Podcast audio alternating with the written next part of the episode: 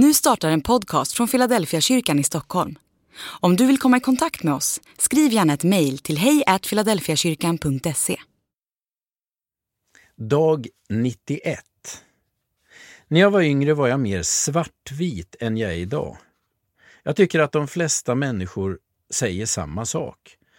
Med åren inser man att livet oftast är komplicerat och att det krävs eftertanke innan man kan vara säker på vad som är rätt och vad som är fel. Om jag var svartvit förr så har jag blivit mer grå nu.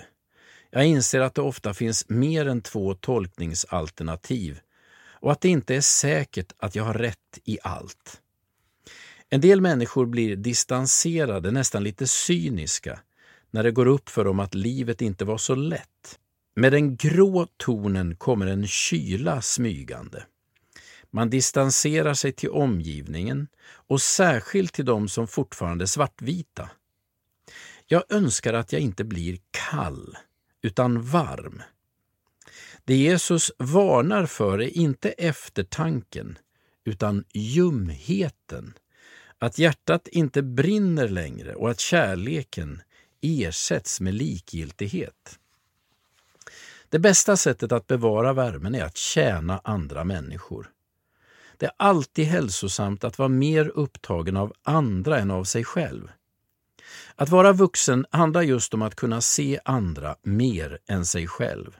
Att vara vanlig handlar om att se på sig själv med sansad blick. Att vara vänlig handlar om att se andras behov som en möjlighet att tjäna dem.